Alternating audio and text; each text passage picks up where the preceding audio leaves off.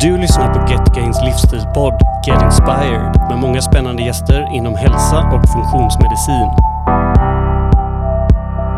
Jonas Kolting är boråsaren som både är triatlet, författare, föreläsare, entreprenör och hälsoinspiratör. Kanske även lite provokatör. Jonas har slått många slag för den svenska folkhälsan, bland annat med sin mycket populära podcast Koltings nakna sanning.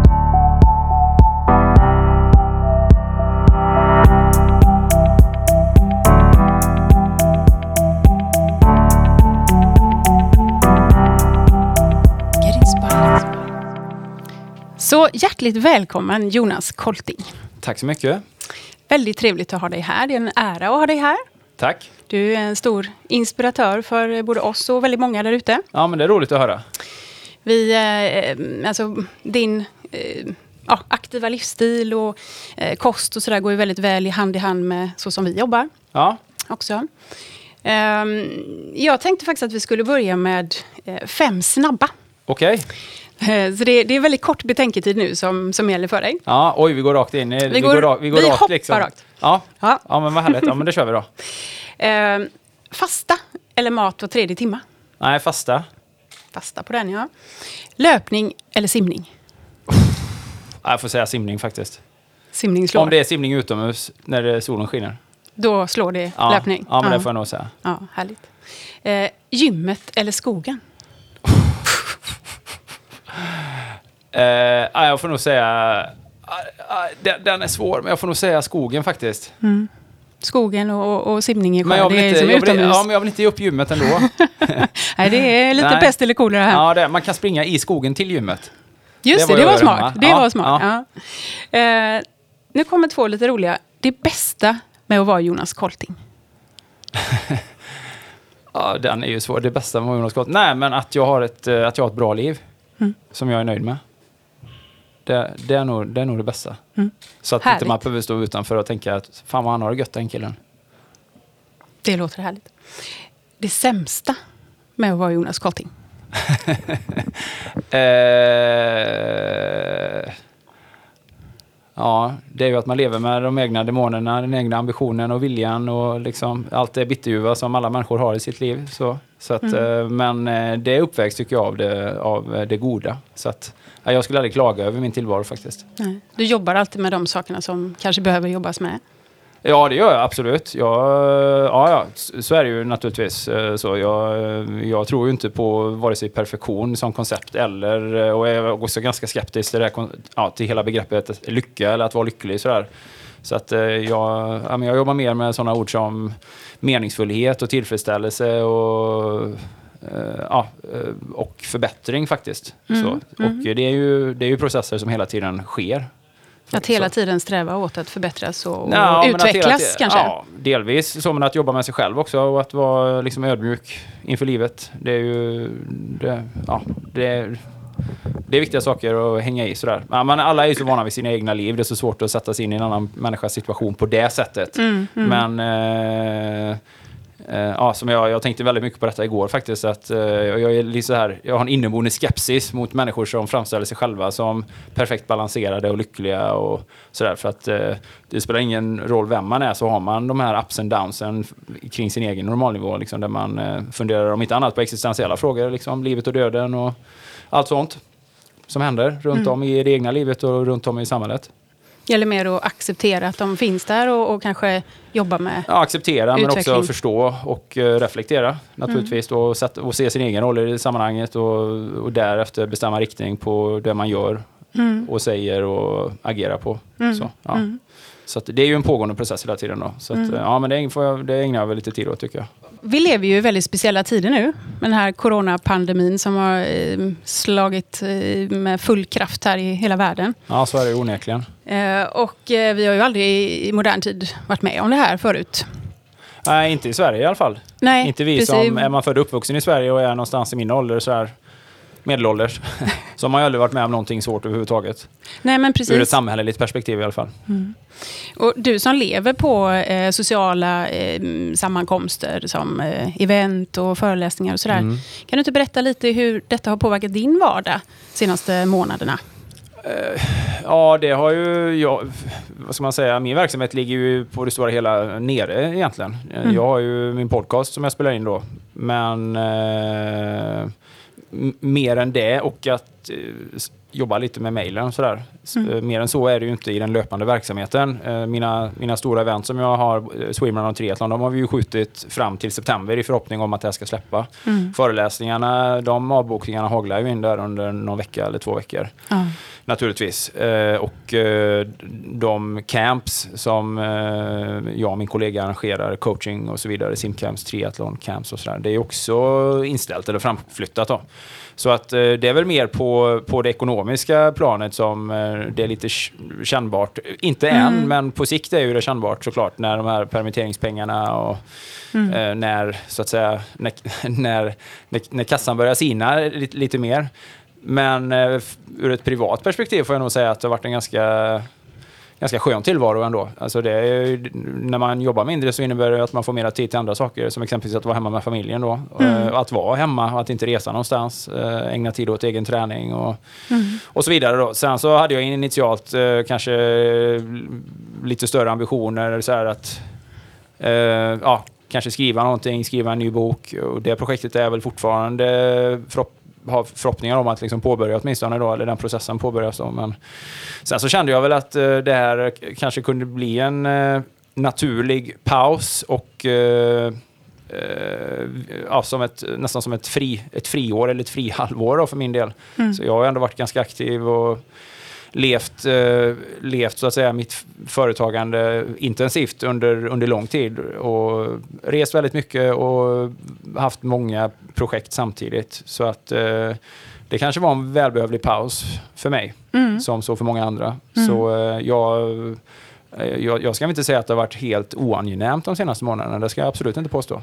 Tagit vara på den tiden som du faktiskt har fått nu då? Ja, det tycker jag verkligen. Jag har varit mycket mer med, med min familj hemma, med min eh, son Rufus och min Mm. sambo Elin och våra hundar. Och Och, får även säga grattis. Ja, Jag tack. förstår att ni ska få ja, precis. ytterligare tillökning Ja. också. Just det. Så att, eh, det kan ju vara bra att samla krafter där, tänker jag. Ja, precis. det är klart. Men eh, det har ju varit en märklig tid naturligtvis och det är ju Mm. klart att det finns ju ingen hållbarhet i det här i längden. Förr eller senare måste man ju börja jobba och tjäna pengar på riktigt. Mm. Så, men den tiden kommer ju naturligtvis då. Så jag har bara försökt att, ja, jag har faktiskt inte varit speciellt stressad i det utan jag, man Nej. kan ju när man sitter i det bara konstatera att eh, man, har, ju- man äger ju inte den här situationen för fem öre egentligen. Mer än att reagera på ett sätt som är konstruktivt. Mm. Men det har ju liksom ingenting med det, det hade ju varit värre om man hade gjort någonting själv klantigt, eh, Mm. så, där, där man tappar en stor del av sin affärsverksamhet. Men i det här fallet så är det ju oerhört många, många liksom, eh, jag och mitt företag som är liksom påverkade av det här. Så nej, det, Det är lättare att acceptera Ja, när man inte absolut. är orsak till, Ja. eller inte kan påverka det ja, ja, det här är ju någonting som, jag menar det här är ju en global, det här är ju liksom en global företeelse som, som vi allihopa lever mitt i. Så Mm, mm. eh, jag fann mig väldigt tidigt i det här faktiskt. Ja, och om vi ändå är inne på det här med eh, coronaviruset och, och sådär. Hur, hur ser du på, på det perspektivet med den stora folkohälsan som vi har ute i, i samhället och att det nu fokuseras väldigt mycket på eh, dödstalen och hur många som dör i corona och sådär.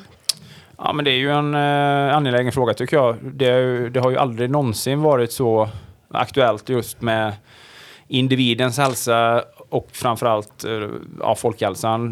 Det är klart att det är svårt att jämföra den här typen av smitta där faktiskt vem som helst faktiskt kan bli smittad och drabbas av det och den stora livsstilsohälsan som vårt samhälle samtidigt lider av. Men eh, jämför man ändå de här två företeelserna med varandra så är det ju naturligtvis så att det antalet som är sjuka eller avlidna i corona står ju sig väldigt slätt jämfört med hur många människor som faktiskt lider av livsstilsrelaterade sjukdomar och hur mycket lidande det också orsakar. Men ett Mm. dödsfall är ju ett dödsfall oavsett Mm. vad man har dött av egentligen. Och, och sjukdom är ju tragiskt och smärtsamt för både individen och de anhöriga oavsett vad, vad sjukdomen by- bygger på det ligger i. Men alltså jag kan ju liksom tycka att eh, man hade kunnat eh, Ja, alltså jag kan ju tycka att samhället eh, i- många sammanhang när det gäller folkhälsa agerar lite yrvaket sådär och lite, Mm. så är att man vill, man vill liksom gärna lämna saker och ting till eh, liksom sjukvården att hantera. Vi jobbar inte speciellt mycket med prehabilitering i, i, i Sverige. Jag kan ju tycka att det, det är mycket som behöver göras på folkhälsoområdet. I synnerhet då Tittar man på coronaepidemin så är det ju alldeles uppenbart att det, alltså med alla svårigheter i världen så är det ju alltid de som är ja, de som är sämst rustade som drabbas hårdast. Alltså de som mm. bor i de utsattaste områdena, lägst, lägst utbildning, lägst inkomst. Eh, det är också de som röker mest, dricker mest, äter sämst, mm. tränar minst. Mm. Och att eh, det är ju de sammanhangen samhället hade behövt göra stora insatser, exempelvis med att bygga fler simhallar. Ett, ett, någonting som jag har liksom agerat eller propagerat för tidigare. Då, att, mm. att ja, tillhandahålla möjligheter för motion och rekreation. Mm. För i synnerhet alla de då som som har längst till det annars då. Mm. Både i tankevärlden eller ja, sådär att, men också tillgänglighetsbaserat då. Så att eh, jag tycker väl att när det här landar lite grann nu eh, och det här kommer, ja, när så säga, dammet har lagt sig från detta och världen börjar återgå till det normala så är det ju dags för en tycker jag, för en politisk diskussion om hur man kan stärka upp och förbättra folkhälsan. folkhälsan ja. Och nu har det också varit jättemycket fokus på hur, hård, hur hårt ansträngd den svenska sjukvården är mm. på grund av den här epidemin. Då. Och, men sanningen är ju att hade vi kunnat hantera väldigt mycket mer av den här livsstilsohälsan i ett mycket tidigare skede så hade det besparat vården tiofalt, om inte mer, eh, mot vad corona har, har kostat eller eh, mm. så att säga belastat vården. Och då kanske man också hade haft en större kapacitet att faktiskt ta hand om en stor pandemi absolut. också. Ja, ja, absolut. Vi pratar ju om den här vårdskulden som, eh, som Sverige nu lider av då med inställda operationer och annat. Och det är klart att eh, den, den, den fanns ju redan innan den här epidemin. Och mm. det är också sånt som hade kunnat ja, sjukvården hade kunnat effektiviseras väldigt mycket om man hade kunnat förhindra eller för, eh, ska man säga, förebygga mycket av den här livsstilsohälsan. Då. Så att, eh, mm. nu, är ju, nu är ju folkhälsa, individhälsa väldigt mycket i fokus genom den här sjukdomen. Men eh, mm. det är märkligt att det ska krävas en epidemi av det här slaget för att det ska hamna på tapeten. Mm. Tror du att det kommer att bli en, en, alltså en gynnsam diskussion eller debatt sedan efteråt för att faktiskt få ett friskare samhälle och en förbättrad folkhälsa? Eller tror du att man kommer att ha fel fokus? Nej, alltså mer vaccination? Jag ser, och... inte dem, jag ser inte den viljan hos våra politiska ledare. Jag ser inte den viljan bland de eh, politiska företrädare vi har eller bland de politiska Nej. partierna. Man, man, diskuterar inte den här sakfrågan eller man, man diskuterar liksom inte på djupet. Man ser inte helheten i det här utan man diskuterar enskilda sakfrågor där kanske folkhälsa ingår till viss del. Men jag ser inte alls den politiska viljan eller politiska förståelsen rättare sagt. Nej. Eh, jag, jag har inte sett någon partiledare, företrädare, regeringsmedlem, eh, någon minister som liksom uttalar sig insiktsfullt i den här frågan. Nej. Absolut inte. Nej. Så att, eh, jag är väl ganska skeptisk och jag tror mm. att det mm. kommer fortsättningsvis också hänga väldigt mycket på eh, ja, inspiration eller vad ska man säga, påverkan utifrån alltså opinionsbildare och eh, debattörer, eh, ja, tankesmedier, vem vet. Liksom. Men Komma underifrån privata mer. initiativ, ja precis. Mm. Eh, och att föreningslivet fortsättningsvis kommer att ha en oerhört viktig roll i Sverige. Mm. Där man då samlar upp väldigt många ungdomar om inte annat. Då. Mm. Just det. Och man kanske inte heller är medveten om de här olika livsstilssjukdomarna, att det faktiskt beror på livsstilen till så, så stor grad som det faktiskt gör. Nej, precis. Jag tycker det finns en en stor brist på insiktsfullhet hos eh, kan man kanske säga folk i allmänhet, men våra svenska politiker är ju faktiskt folk i allmänhet. Ja, eh, så. Eh, och jag, jag, tycker att ja, man vänjer sig väldigt snabbt vid hur tillvaron är. Och vi lever ju i en extremt modern värld med alla, alla dess moderna företeelser, alltifrån transporter, underhållning, digitala medier, mat, eh, synen på liksom, rörelse, motion, hur vi arbetar och sådär. Och, eh, det är en förändring som har skett relativt snabbt ur ett, ur ett så att säga, mänskligt perspektiv.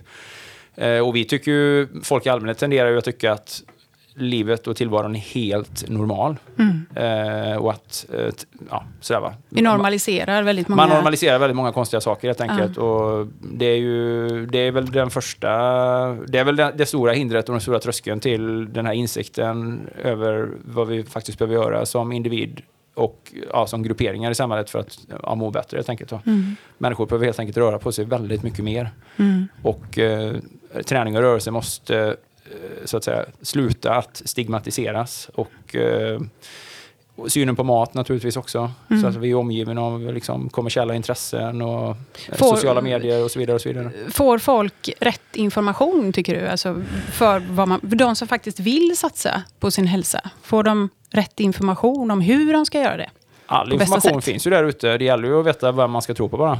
Det Mm. gäller ju att veta vart man ska söka och vem man lyssnar på och, och sådär. Så att eh, jag kan i ärlighetens namn inte säga eh, att så här, det är svårt att säga kategoriskt vart folk får information ifrån idag. Mm. Jag kan ju tänka mig att det framförallt är från eh, kvällstidningsrubriker och influencers kanske. Och jag vet inte, jag tror att eh, det man eventuellt lärde sig i skolan, det tror jag snabbt blekna, bleknar i någon bakgrund någonstans. Och det Mm. Ja. kanske inte heller är så jättemycket att hänga i granen. Vem vet? Jag, så men eh, jag, tror Mm. att, eh, jag tror att det råder en allmän stor förvirring där ute. Och, och sen handlar det inte bara om det, utan det är ju att väldigt mycket av det som är dåligt för oss är så oerhört tillgängligt och billigt. Mm. Alltså, du, Det är svårt att värja sig. det är svårt att värja sig. eh, Ja. Ja, absolut. Du, du kan inte gå in någonstans där man säljer livsmedel eller liknande utan att liksom bara överösas av eh, sub, subpar produkter. Mm. Alltså produkter med jä- jättedålig kvalitet. Då. Och så är vi födda med den här belöningshjärnan som vill ha allt Ja, detta också. Så är det. Mm. Så att, eh, det finns väl ett, eh, det, problemet är väl komplext på det sättet då, så att jag tror att Mm. eh, det, det hänger nog på det hänger nog på ganska kraftiga insikter eller kraftiga eh, insatser samhällsmässigt för att man ska kunna vända det i någon mån. Då. Om man kopplar det till just det här med att tillhöra en riskgrupp då, när Mm. det gäller eh, coronaviruset. Eh, hur ser du på det? Alltså, drabbas vem som helst helt slumpmässigt? Är det bara ålder som påverkar? Eller tror du, eh, så som när jag till exempel tolkar mycket blodprover och så i vår hälsoundersökning, så ser jag många som kanske helt ovetandes går omkring med inflammationer och dåligt obalanserat immunförsvar, metabola eh, syndrom och sådär. Ser du någon koppling däremellan?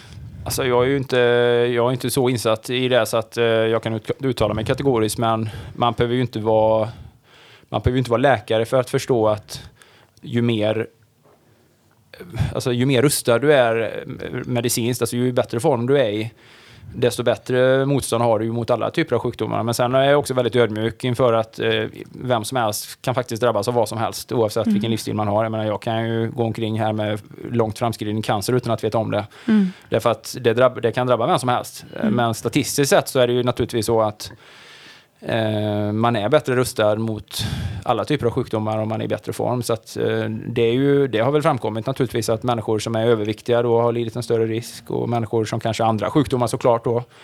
Så att eh, det är väl eh, tveklöst så att eh, livsstilen påverkar jätte, jättemycket Mm. i hur eh, mottaglig man är, eller sannolikheten är. Men på individnivå så kan ju vem som helst drabbas om man har otur naturligtvis. Då. Mm. Men Mm. statistiskt är det, ju, är det ju självklart så, eller uppenbart så att de som är sämst rustade fysiskt också drabbas i högre utsträckning.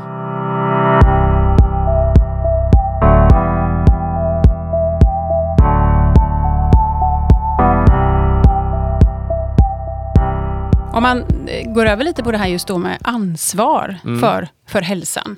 Eh, just att ta eget ansvar för sin egen hälsa. Eh, eller att faktiskt dela upp det lite grann. Eh, individens ansvar, eh, arbetsgivarens ansvar Mm. och eh, samhällets ansvar. Just det.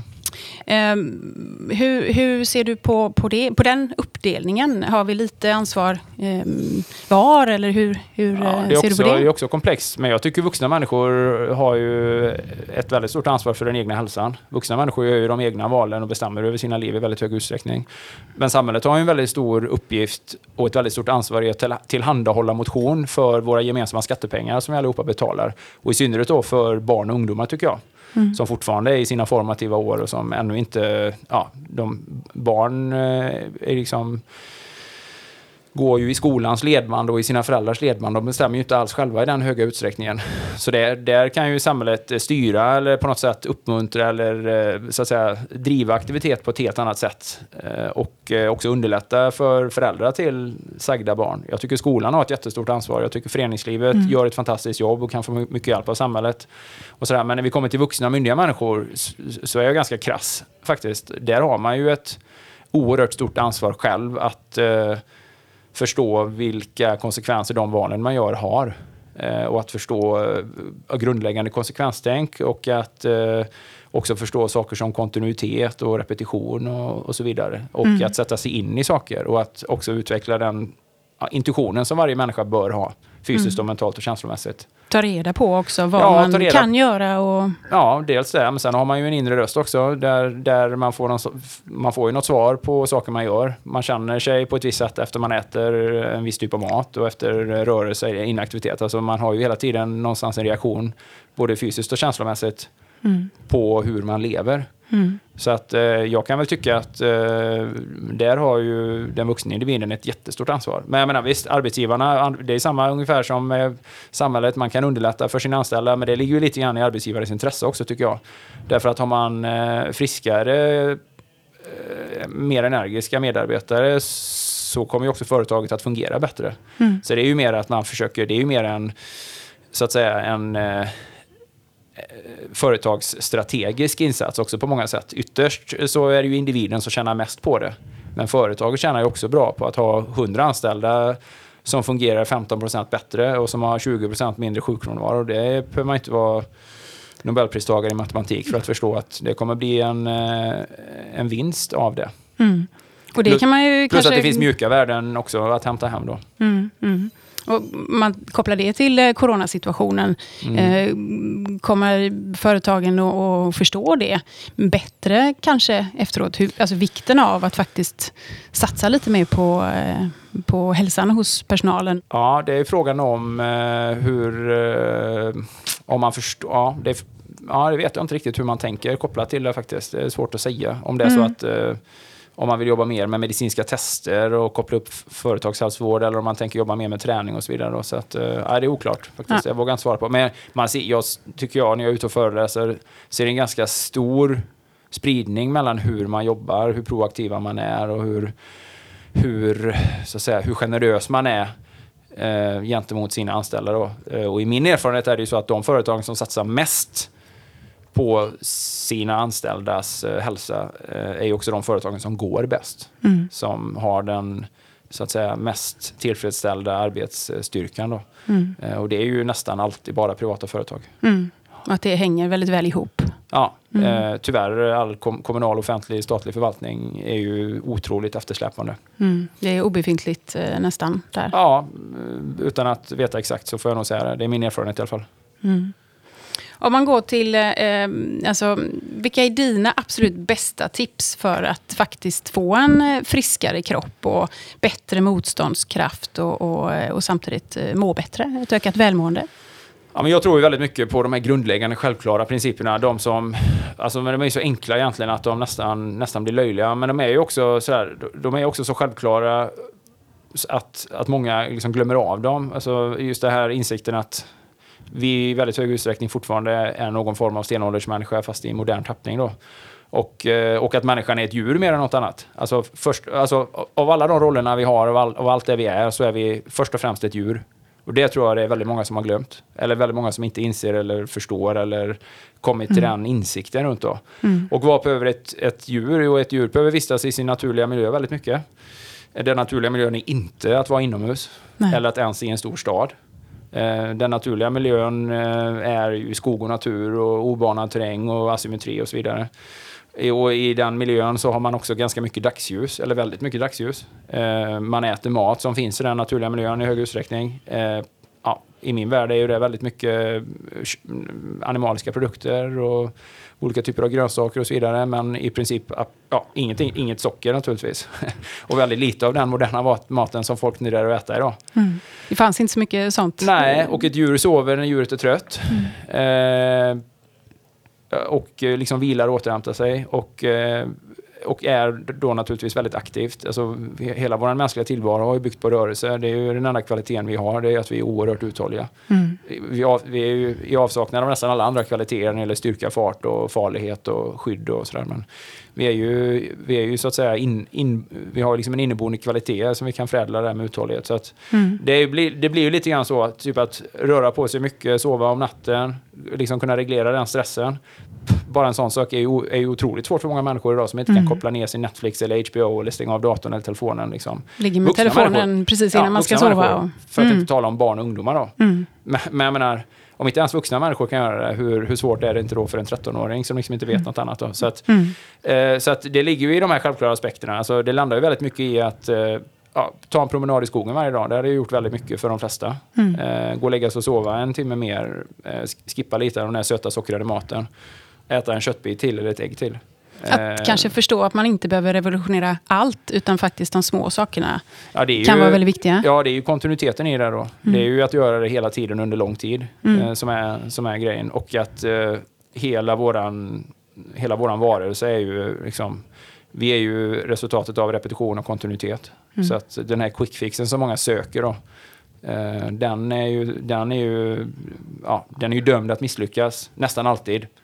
Så att eh, det finns ju väldigt mycket kring det som är eh, nästan så enkelt att det låter nästan lite löjligt. Folk vill ju, ha, folk vill ju i många avseenden också ha det här revolutionerande eller det här liksom nya. Men Stora tror- grejen. men det som, finns ju inget nytt. Det Nej. finns liksom ingenting. Det finns absolut inget nytt. Faktum är att nytt är ju dåligt. Det gam, gamla är bra. Alltså Mm, det, det är just ju det. det självklara. Mm. Men folk letar idag efter den nya träningsmaskinen, det nya pulvret, det nya, inte vet jag, kompressionsplagget. Alltså den nya grejen liksom som ska göra det för dem. Men då har man ju snurrat till det ordentligt redan Mm. där. Det är back to basics som gäller. Ja, men back to basics, ja det är det ju till viss del, men också så här att, att, liksom att, att, att fatta grejen med det. Att, eh, att förstå att och det ena utesluter inte det andra. Det är inte så att man behöver inte gå ut och bo i skogen, det är inte det det handlar om. Men att det behöver, man behöver ju skapa sig ett liv som är hållbart. Mm. Det, är ju, det är ju grejen. Man kan liksom inte ha...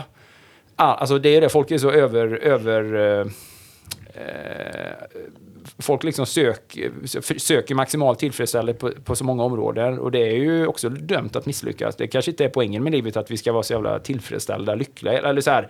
Vi ska, vi ska ha den ena kicken efter, eller typ så att vi ska bli underhållna hela tiden. Nej. Det är inte hela världen om... Vi, vi kan inte kolla på alla serier på Netflix ändå.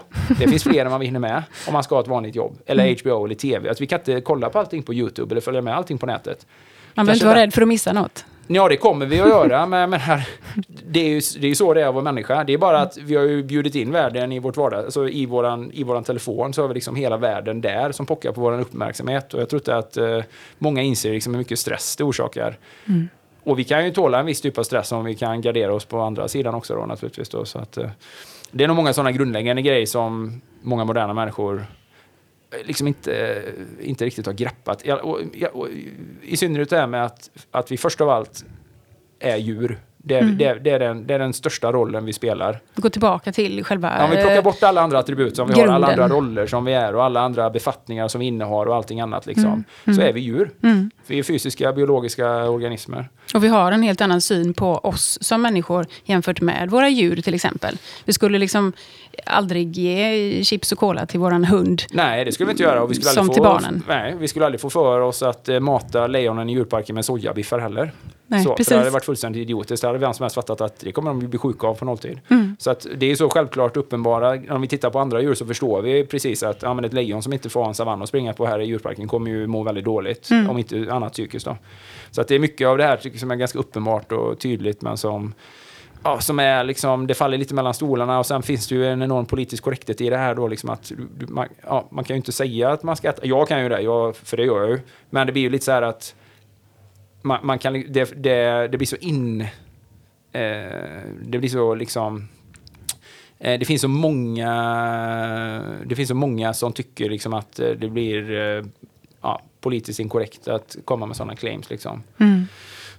Eh, Ja, och så att eh, där är ju problematiken för väldigt många helt enkelt. Och tror jag väldigt Mm. många unga människor också som fastnar i olika ideologier och så vidare. Mm. Just som det. lider mycket av det. det man kanske jag, inte riktigt vet grunden eller vad det jag gör. tror de flesta, och... många i min ålder som är sådär på väg mot 50, m- många har ju så mycket livserfarenhet och har också erfarenhet av den, liksom, den gamla tiden, den gamla analoga världen, att man har en hyfsad man har en hyfsad bild av vad man behöver göra för att må bra. Men jag tror att Mm.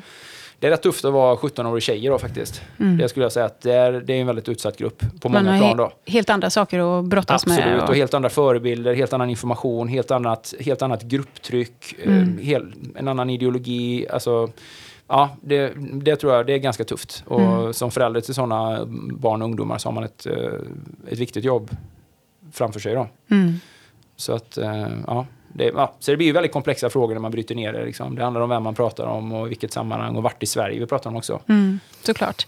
Men man kommer ändå tillbaka till enkelheten. Vi kommer tillbaka till det enkla. Det vi-. Skalar vi bort allting så är vi...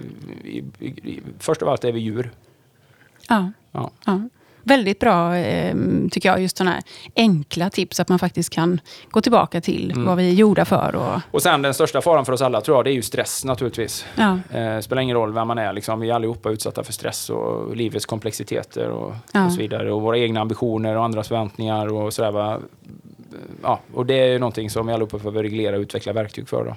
mm. Eh, men det ser vi ju idag, människor i allmänhet mår ju ganska dåligt psykiskt. Eller många gör ju det i alla fall. Många är stressade och Ja, stressade, olika... men det ut, tar sig uttryck i olika typer av sjukdomar. Både psykosomatiska sjukdomar, men faktiskt också psykiska sjukdomar som kräver psykofarmaka eller sjukskrivning Mm. och så vidare. Och det är ju en Ja, det är ju ett kapitel för sig. Ja, Ja, och det verkligen. kan vi ju verkligen se, tror jag, efter när vi tittar i kölvattnet på corona här sen så kommer vi nog kunna se att andelen Mm. sjukskrivna på grund av psykisk ohälsa kommer ju Mm. att ha vuxit, tror jag, lavinartat. Och framförallt kanske i, i andra länder där de har Ja. varit helt Ja, ja. isolerade Och, och i karantän. Och Ja, vi ja. i Sverige har ju ändå kommit kanske ganska eh, lugnt undan. Ja, verkligen. Ur det perspektivet definitivt. Det har Mm. varit fullständigt otänkbart att behöva sitta inne i 6-7 veckor. Ja, vad Det- det gör med folkhälsan, det är ju... Ja, ja, det går inte ens att tänka sig hur, hur nivån av liksom, psykisk ohälsa eller våld i hemmet och allt sånt Mm. som det har gett upphov till. Då. Mm, ja. Ökat eh, alkoholintag. Och, ja. Mm. och Och vidare, och inaktivitet, bara en sån Inaktivitet, sak. ja definitivt. Så att, Och, eh, och kanske äta skräpmat och Ja, ut, uttråksäta. Och, ja, vad ska man annars göra liksom? ja, men precis. Ja. Det är det, nej, det har inte varit en hälsokur för någon av oss. Ja, vi är glada att vi har sluppit detta och få vara ute i alla fall. Ja, verkligen. Och eh, lite så. Ehm, jag tänkte avsluta lite grann. Ehm, hur, eh, hur ser livet ut för entreprenören Jonas Kolting eh, inom det närmsta året? Ja, men det är ju en eh, intressant fråga. Det, det vet jag nog inte riktigt själv. Men jag har ju några saker som jag jobbar hela tiden med, eller återkommande. Det är ju då de här eventen jag arrangerar. De hoppas vi att kunna arrangera i september, om de här restriktionerna släpper. Sen har jag ju ett våtdräktsmärke och det är ju samma sak med det. att det ligger ju lite också på is nu när folk inte har någonting att träna för. Då. Mm, Triathlon eller swimrun. Så det hoppas vi också Mm. lyfter lite grann så småningom. Då. Mm. Men sen vill jag ju gärna sk- skriva på någonting nytt. Skriva på en ny bok exempelvis. Mm. eh, Och sådär. Kan du avslöja något eh, ämne Ja, jag som du tänker på? Ja, men det, jag har ett par böcker. Jag har faktiskt två böcker som jag funderar på att skriva på. eh, Eller så som jag har i mig lite grann då. Mm. En är en bok till, till min son faktiskt. Mm. Eh, Eftersom det här eh, pappa, papperiet här som jag har haft nu i ett, snart två år har ju varit extremt tillfredsställande då. Ja. Och, eh, men sen har jag ju tankar på att skriva en bok som bygger på exakt det som vi pratar om faktiskt här med Ja, lite grann det här, eller jag skulle vilja säga att jag hade kallat den att, vara- att, att vara bekväm med det obekväma. Hur, ja, Mm. Undertitel, hur jobbiga saker kan göra ditt liv bättre. Mm. Eh, för det finns väldigt mycket att säga om och det är ju, det är ju precis i det häradet som vi har pratat nu. Mm. Eh. Just att eh, människor söker någonstans maximal bekvämlighet, Mm. maximal underhållning, eh, någonstans Allting måste med- inte vara så bra och lätt Nej, hela men också tiden. det här med att saker ska vara roliga hela tiden Mm. och det ska finnas liksom en kick i allting. Och det, är ju, det är ju helt förödande. Det är ju liksom ingen, ingenting i vår tillvaro är uppbyggt på det. Nej. Det hade ju inte blivit någonting gjort om folk skulle ha roligt hela tiden. det, det, är alltså, det är inte det det handlar om. Liksom. Nej. Det handlar om helt andra saker. Mm. Eh, alltså, den mänskliga arten är ju inte gjord för att liksom ligga och kolla på Netflix och äta godis hela dagarna. Nej. Det är inte om, eller gå på Liseberg hela dagen. Eller så här att det ska vara underhållning i allting. Det, det är ju en jä- jättemissuppfattning. Jag tror många unga människor också så här lever lite i den illusionen där. Man vill ha ett jobb som är kul, men så Ja. fattar man inte vad, vad ligger i det begreppet. Liksom. Precis. Jag vill vara influencer eller vara med i Robinson, eller vara med i Sex on the beach. Men alltså, det, det är ju inget jobb. Nej, är det inte lite så också att ju, ju, ju mindre, alltså om man skalar av det här och inte har så roligt hela tiden och inte får de här kickarna hela Nej. tiden, då behöver man dem inte heller lika mycket. Nej, alltså men, att de, eh, ö- de föder sig själva och ökar hela ja, tiden. Alltså, återigen, jag tycker tillfredsställelse och meningsfullhet är väldigt mycket bättre. Och strävan och syfte och alltså, mervärden, alltså andra saker. Det är ju inte, det är väl ingen som tycker det det är ju inte underhållning att gå ut och springa i skogen. Alltså, det är inte, inte alltid det- så nej. jättekul. Nej, det är sällan kul. Det har jag nästan aldrig skrattat. Utan Det är ju mer ett hårt arbete, eller det är ju mer en process som man genomgår. Och, Men Mm. det finns en väldig tillfredsställelse, och det finns en väldig meningsfullhet och det finns ett sammanhang som är viktigt. Mm. Ett det finns syfte. ett jag-stärkande syfte. Det finns många saker, men Mm. det är inte roligt. Skulle jag vilja ha roligt så hade jag satt på Seinfeld och legat kvar i sängen hemma.